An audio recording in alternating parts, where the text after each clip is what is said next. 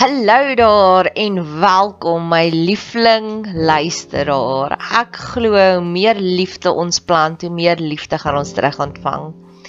Ek het nou onlangs op so aaklige, maar dit was eintlik 'n baie goeie, maar dis 'n baie donker misdaad spotgooi kanaal. Ha, kan ek 5 punte kry vir daai suiwer Afrikaans?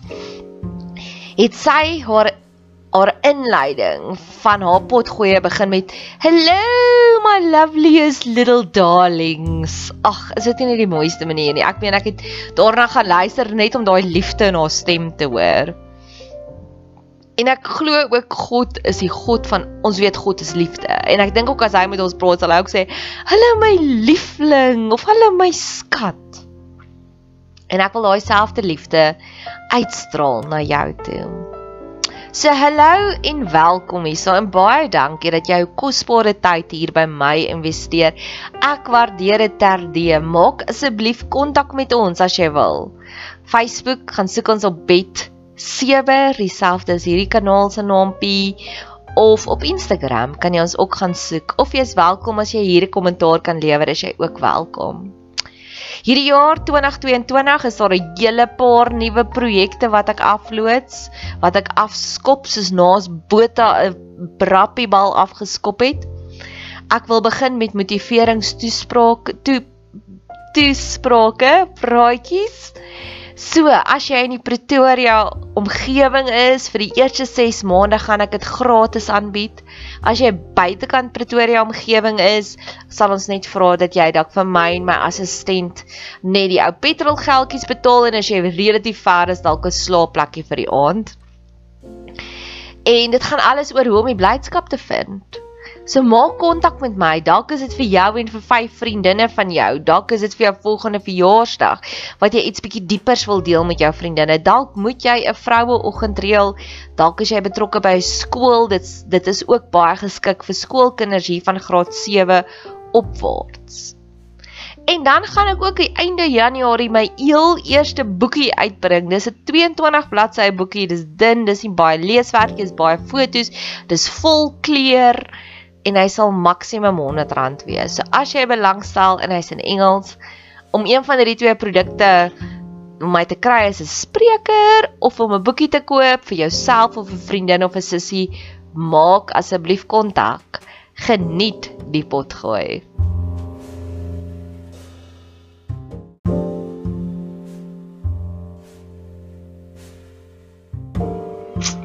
So vandag wil ek met jou gesels en hierdie een het nog steeds nie 'n naam nie.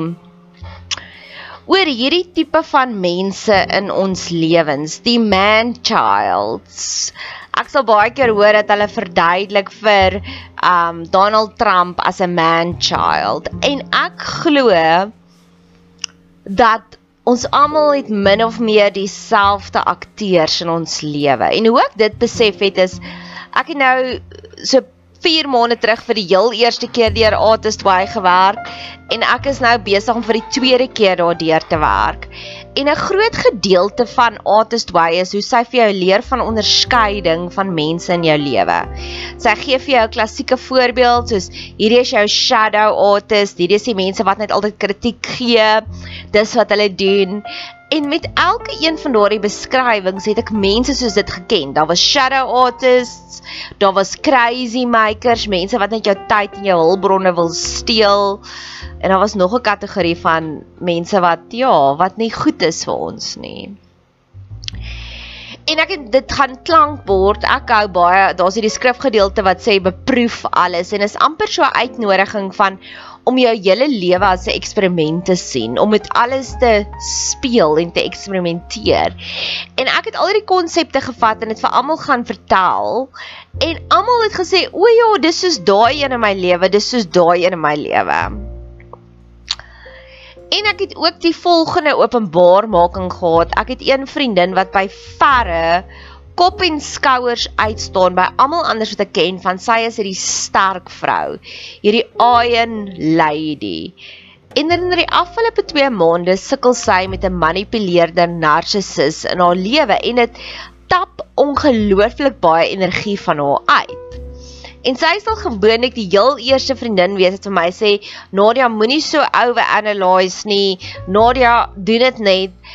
En selfs sy sukkel tans. Ek sê my tweede openbaarmaking was nie net ons het almal dieselfde hoeveelheid akteurs of dieselfde tipe akteurs nie. Elkeen lyk dit bietjie anders. Ons het almal die bullies, die narcissiste, die shadow artists, die crazy makers. En ek het ook al keer op keer gesien wanneer ek 'n een persoon uitskuif in my lewe kom daar 'n nuwe een. En tweede van alles ongeag van hoe sterk jy is, ongeag van emosioneel hoe gesond jy is, ongeag van hoeveel ander lewenslesse jy al geleer het, hierdie tipe van mense kry ons altyd onder.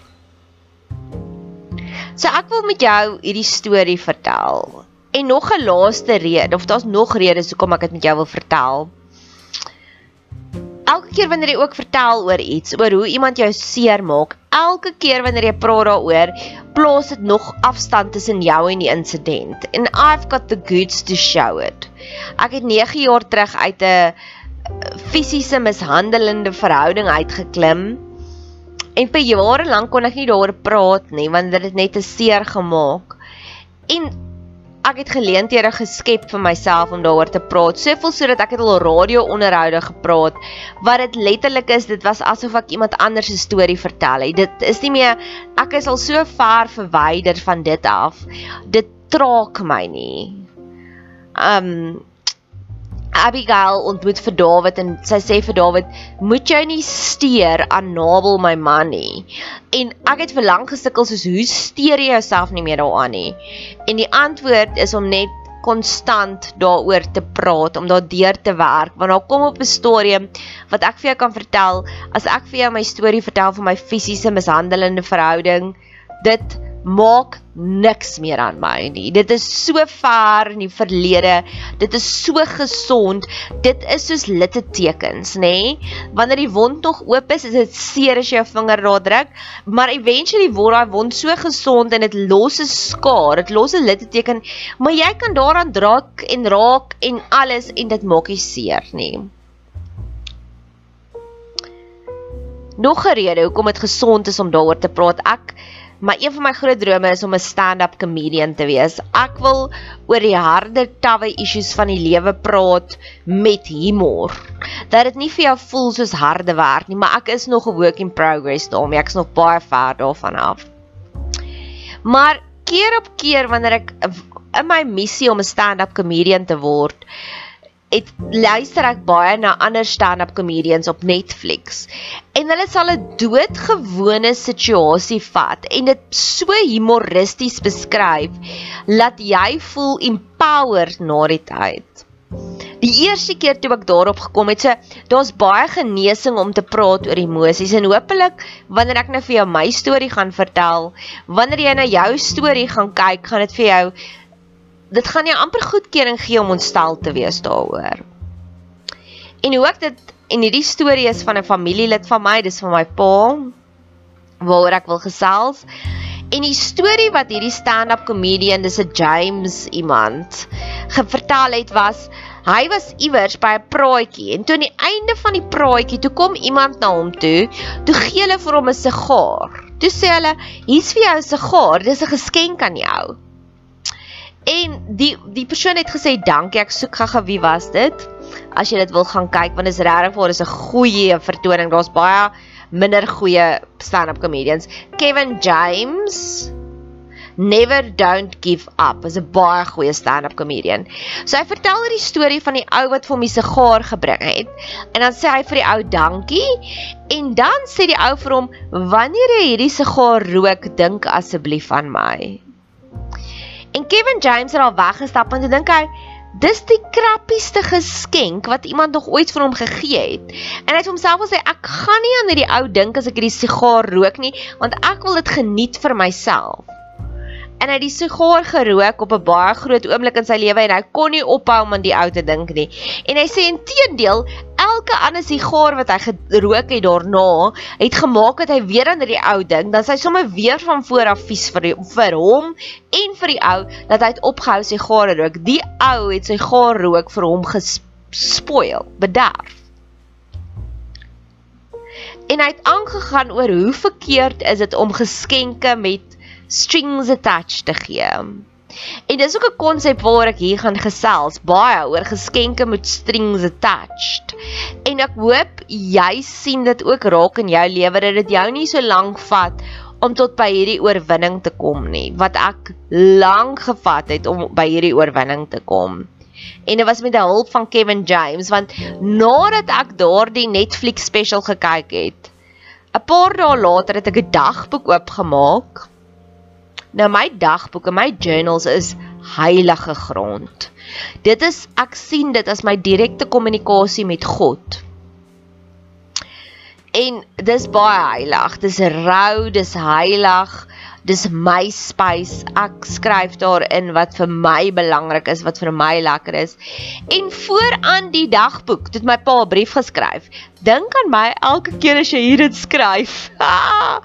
en ek is soos nee, Kevin James het vir my geleer ek hoef nie en ek het prit gevat en ek het daai bladsy toegeplak. Laat ek nie elke keer dit hoef te sien nie, want dit het al klaar hierdie knop in my keel gegee. Dit het al klaar hierdie verhoogde anxiety vir my gelewer om te dink, oh, my journal was altyd my happy place. God het altyd my kant gekies in in die journal. Alles wat ek met hom bespreek het, het hy vir my genade gegee en ewe skielik is hierdie persoon se handskrif daarin en dit het my onseën nie. So dis nog 'n rede hoekom ek dit vir jou wil vertel want ek glo ons almal het dieselfde akteurs en ons het ook almal dieselfde oomblikke. Mense wat ons manipuleer deur dit. Mense joune lyk dalk net anders. Jou geskenk manipulasie, jou kompliment manipulasie, wat ook al dit is. Nog 'n rede hoekom ek hierdie hoekom ek nou onmiddellik gepause gedruk het in my lewe. En dis wat baie mense nie van my verstaan nie, maar ek werk daaraan want hier is nog 'n golden nugget. As jy onverstaan voel, as jy misunderstood voel, lê die probleem by jou. Ek's jammer, want dan kan jy net meer en meer pause druk om vir mense beter te artikuleer hoekom jy is wie jy is en hoekom jy so opereer. So in hierdie week het ek baie demands gekry van mense wat gehoor het ek moes hulle help en keer op keer het ek gesê nee dankie ek kan nie ek het nie tyd nie. Want ek het letterlik nie nou tyd nie want daar kom oomblikke soos dit oomblikke wat die Heilige Gees my so lei en aanpoor wat ek weet ek wil nou pos druk en net daaraan aandag gee Ek wil nie vanaand by my ete afspraak gaan sit en laat al die gedagtes nog in my kop draai nie. Ek wil dit nou release in God se hande. Baie kere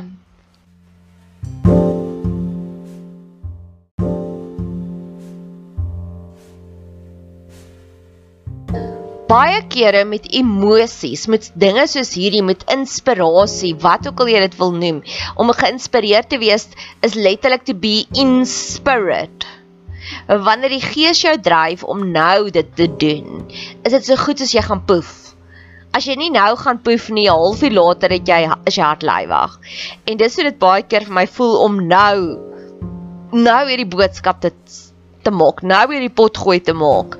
Nou hierdie boodskap te skryf op Facebook, want as jy dit te lank los, gaan die inspirasie weg die poef wat 'n blessing was het omgedraai na hartlywigheid en ekskuus my kras woorde maar ek het al keer op keer gesien wanneer ek met mense die wit handskoentjies afhaal en ek verduidelik 'n ding soos dit is dan tref dit.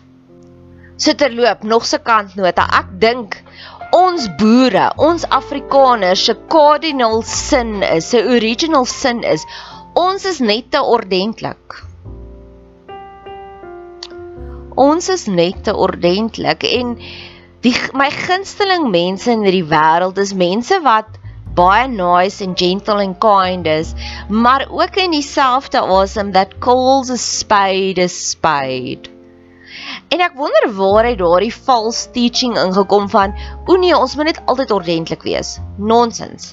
Ek dink inteendeel as ons minder ordentlik was, was die Anglo-Boereoorlog baie vinniger al verby.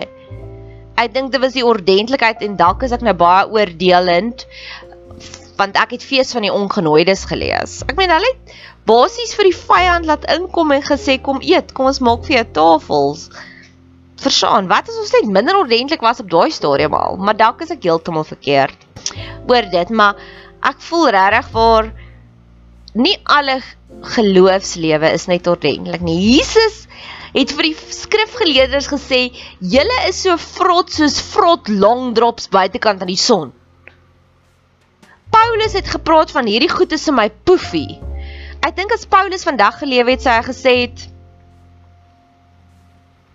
Ek wil nou nie name noem nie, maar hy sou ook gesê het baie goed is poefie. Facebook poefie. Nie nie dat ek dit sê nie, ek gebruik Facebook, maar ja, ek dink net ons hoef nie alles net alles te ophemel. Paulus het op 'n stadium gesê daai persoon het my so kwaad gemaak, het hom oorgegee in die duiwel se hande.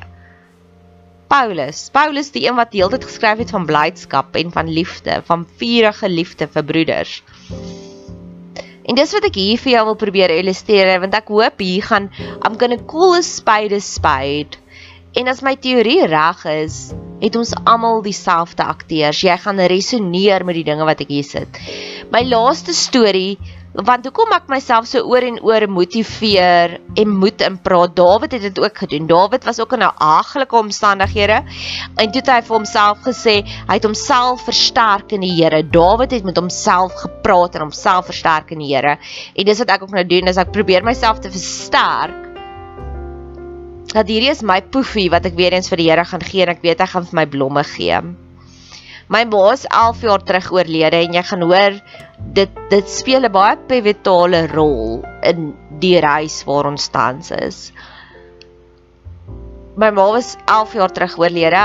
Ek was 28 op daardie stadium. En ek het baie vrae gehad en baie min antwoorde.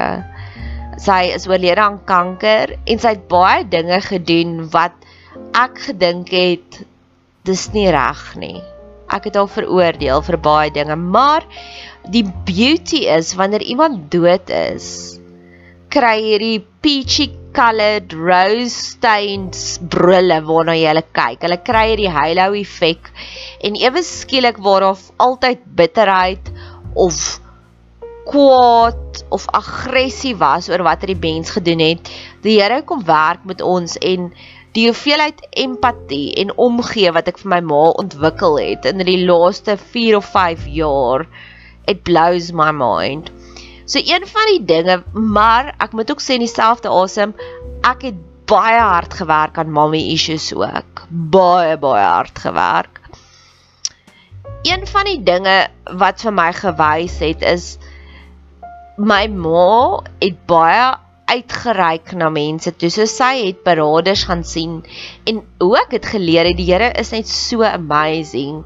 Die dag toe ons haar kamer gaan uitpak het, so week nadat sy oorlede is, baie vinnig. Want 'n week later het my pos 'n nuwe vrou het nou ingetrek. Daar ja, so dis van die issues. Maar ons gaan nou-nou daar gesels. Het ek afgekom en ek se enigste dogter ek het twee jonger boeties, het ek afgekom op haar joernale en ek het dit gevat vir myself.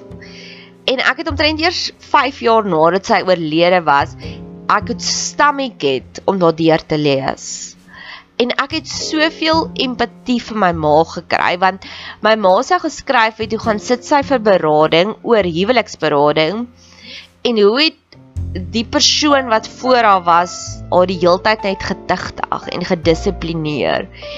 Ek het gesien die inner stryd wat in my ma was, hierdie hierdie perfekte storm van tuimeldroër emosies van skuldgevoelens, skuldgevoelens, hartseer. Nou weet ek vandag na jare se opleiding as om in die bediening as life coach dat woede is sekondêr. So as jy nie jou hartseer gaan adresseer nie, gaan die hartseer manifesteer in woede, irritasie, aggressie, padwoede. En my ma was het baie woede uitbarstings gehad en dan en sy het 90% van die tyd geprojekteer op of vir my pa of op my. Ek was die enigste dogter, ek was die oudste. Sy die boeties probeer beskerm. Hulle was nog baie klein en ons almal weet dat gewoonlik maak ons die mense wat ons die liefste het, maak ons die seerste. So dit was alles daardie, dit was die perfekte storm. Maar die perfekte storm het my gelei dat soveel so ek het 4 jaar lank in bediening gestaan dat elke vrou het ek bedien in die hoop om daardie genesing waarna my ma se hartstogtelik op soek te was om dit terug te gee vir haar. So die hartseer wat ek ervaar het, het gemanifesteer in baie vrouens, der duisende vrouens wat ek al gehelp het. Want ek kon sien hoe met my ma gestruggle omdat sy nooit daai genesing gekry het. En sy het geweet daar's 'n eina baie diep binne in haar wat baie seer is en sy's dood met die eina. En ek weet ook hoe wanneer jy vulnerable is en jy reik uit en iemand gebruik dit as slaan materiaal teenoor jou, iets wat sy ook later aan my gedoen het want dis wat sy gekry het en dis hoekom ek baie intense mommy issues gehad het. Maar die hoekom ek hierdie lang storie vertel, een van die dinge wat sy gedoen het. Sy sou later aan so op autopilot gegaan het en vir niemand vertel het hoe sleg gaan dit regtig met haar nie want sy het soveel keer al uitgereik en dan 'n beraader of 'n dominee het haar terug met haar geraas en gesê ja maar jy's die slegte vrou. I kid you not. Dit was in haar journals. En dis ook omdat hulle in Ivory Tower sit. Ek weet ook dit nê? Nee? en omdat my ma lank kanker gehad het het sy 'n chemobrein gehad so sy het baie sielkundige versteurings ook gekry So ja.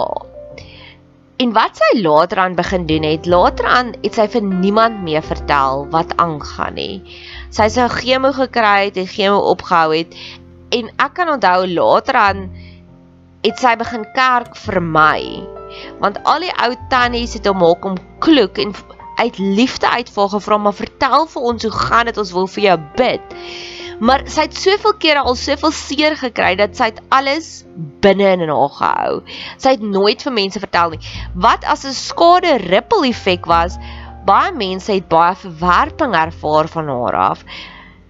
En hoekom ek hierdie storie vertel en hoekom al die triggers nou so getrigger is? Want vandag het daar iets in my lewe gebeur.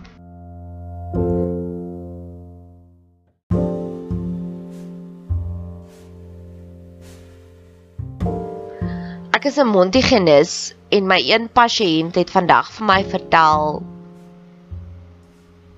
my werkgewer se ma is verlede week oorlede. En toe ek hierdie tannie se naam in my boek sien, sy's 81. Het ek die notas gesien wat ek die vorige keer gemaak het en ek het geskryf sy is my werkgewer se ma se beste vriendin. En die tannie is verlede week oorlede baie skielik aan kanker. Maar die tannie het baie vreemde goed ook gedoen.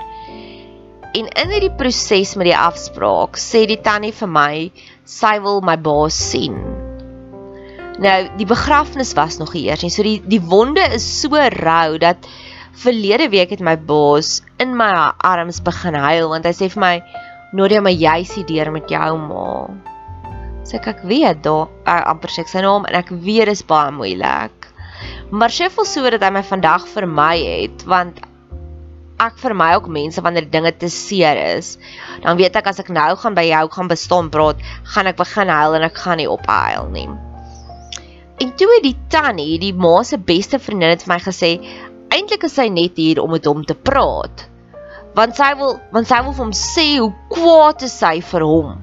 Want sy het nooit die kans gehad om vir haar beste vriendin te groet nie. En sy het hierdie gorgeous storieetjies vertel van hulle het mekaar 'n amiga genoem, wat amiga is Spaans vir vriendin, want hulle het besluit hulle gaan leer Spaans praat en dan sou hulle saam Spanje toe gegaan het. So hulle is uit en uit hartsvriendinne. En ek het hierdie geleentheid gehad om vir haar te coach en ek het vir gesê Tannie, ek weet nie of praat ek nou uit my beerd uit nie, maar Tannie My ma is 11 jaar terug dood aan kanker en tannie, my ma het dieselfde gedoen. Sy het haarself weggesteek. Sy wou vir niemand sê nie. Sy het ook haar vriendinne uitgesluit.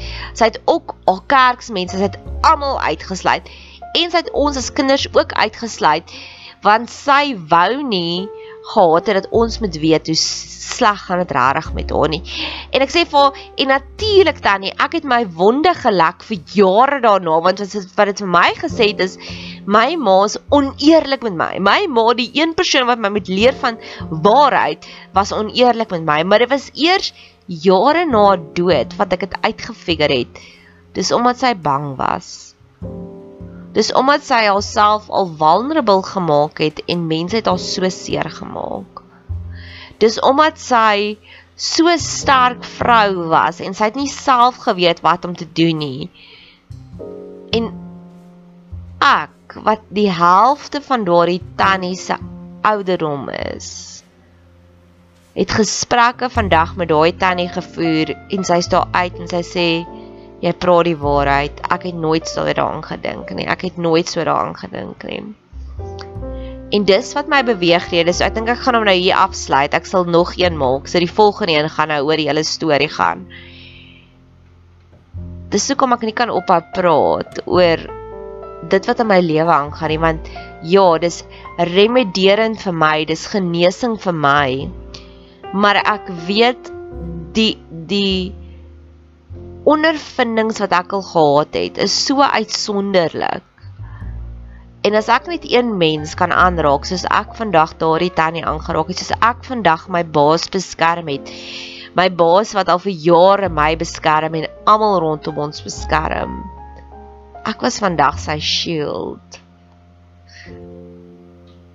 Want ek het daai tannie afgepraat. I spoke down. En hopelik kan ek dieselfde doen in jou lewe.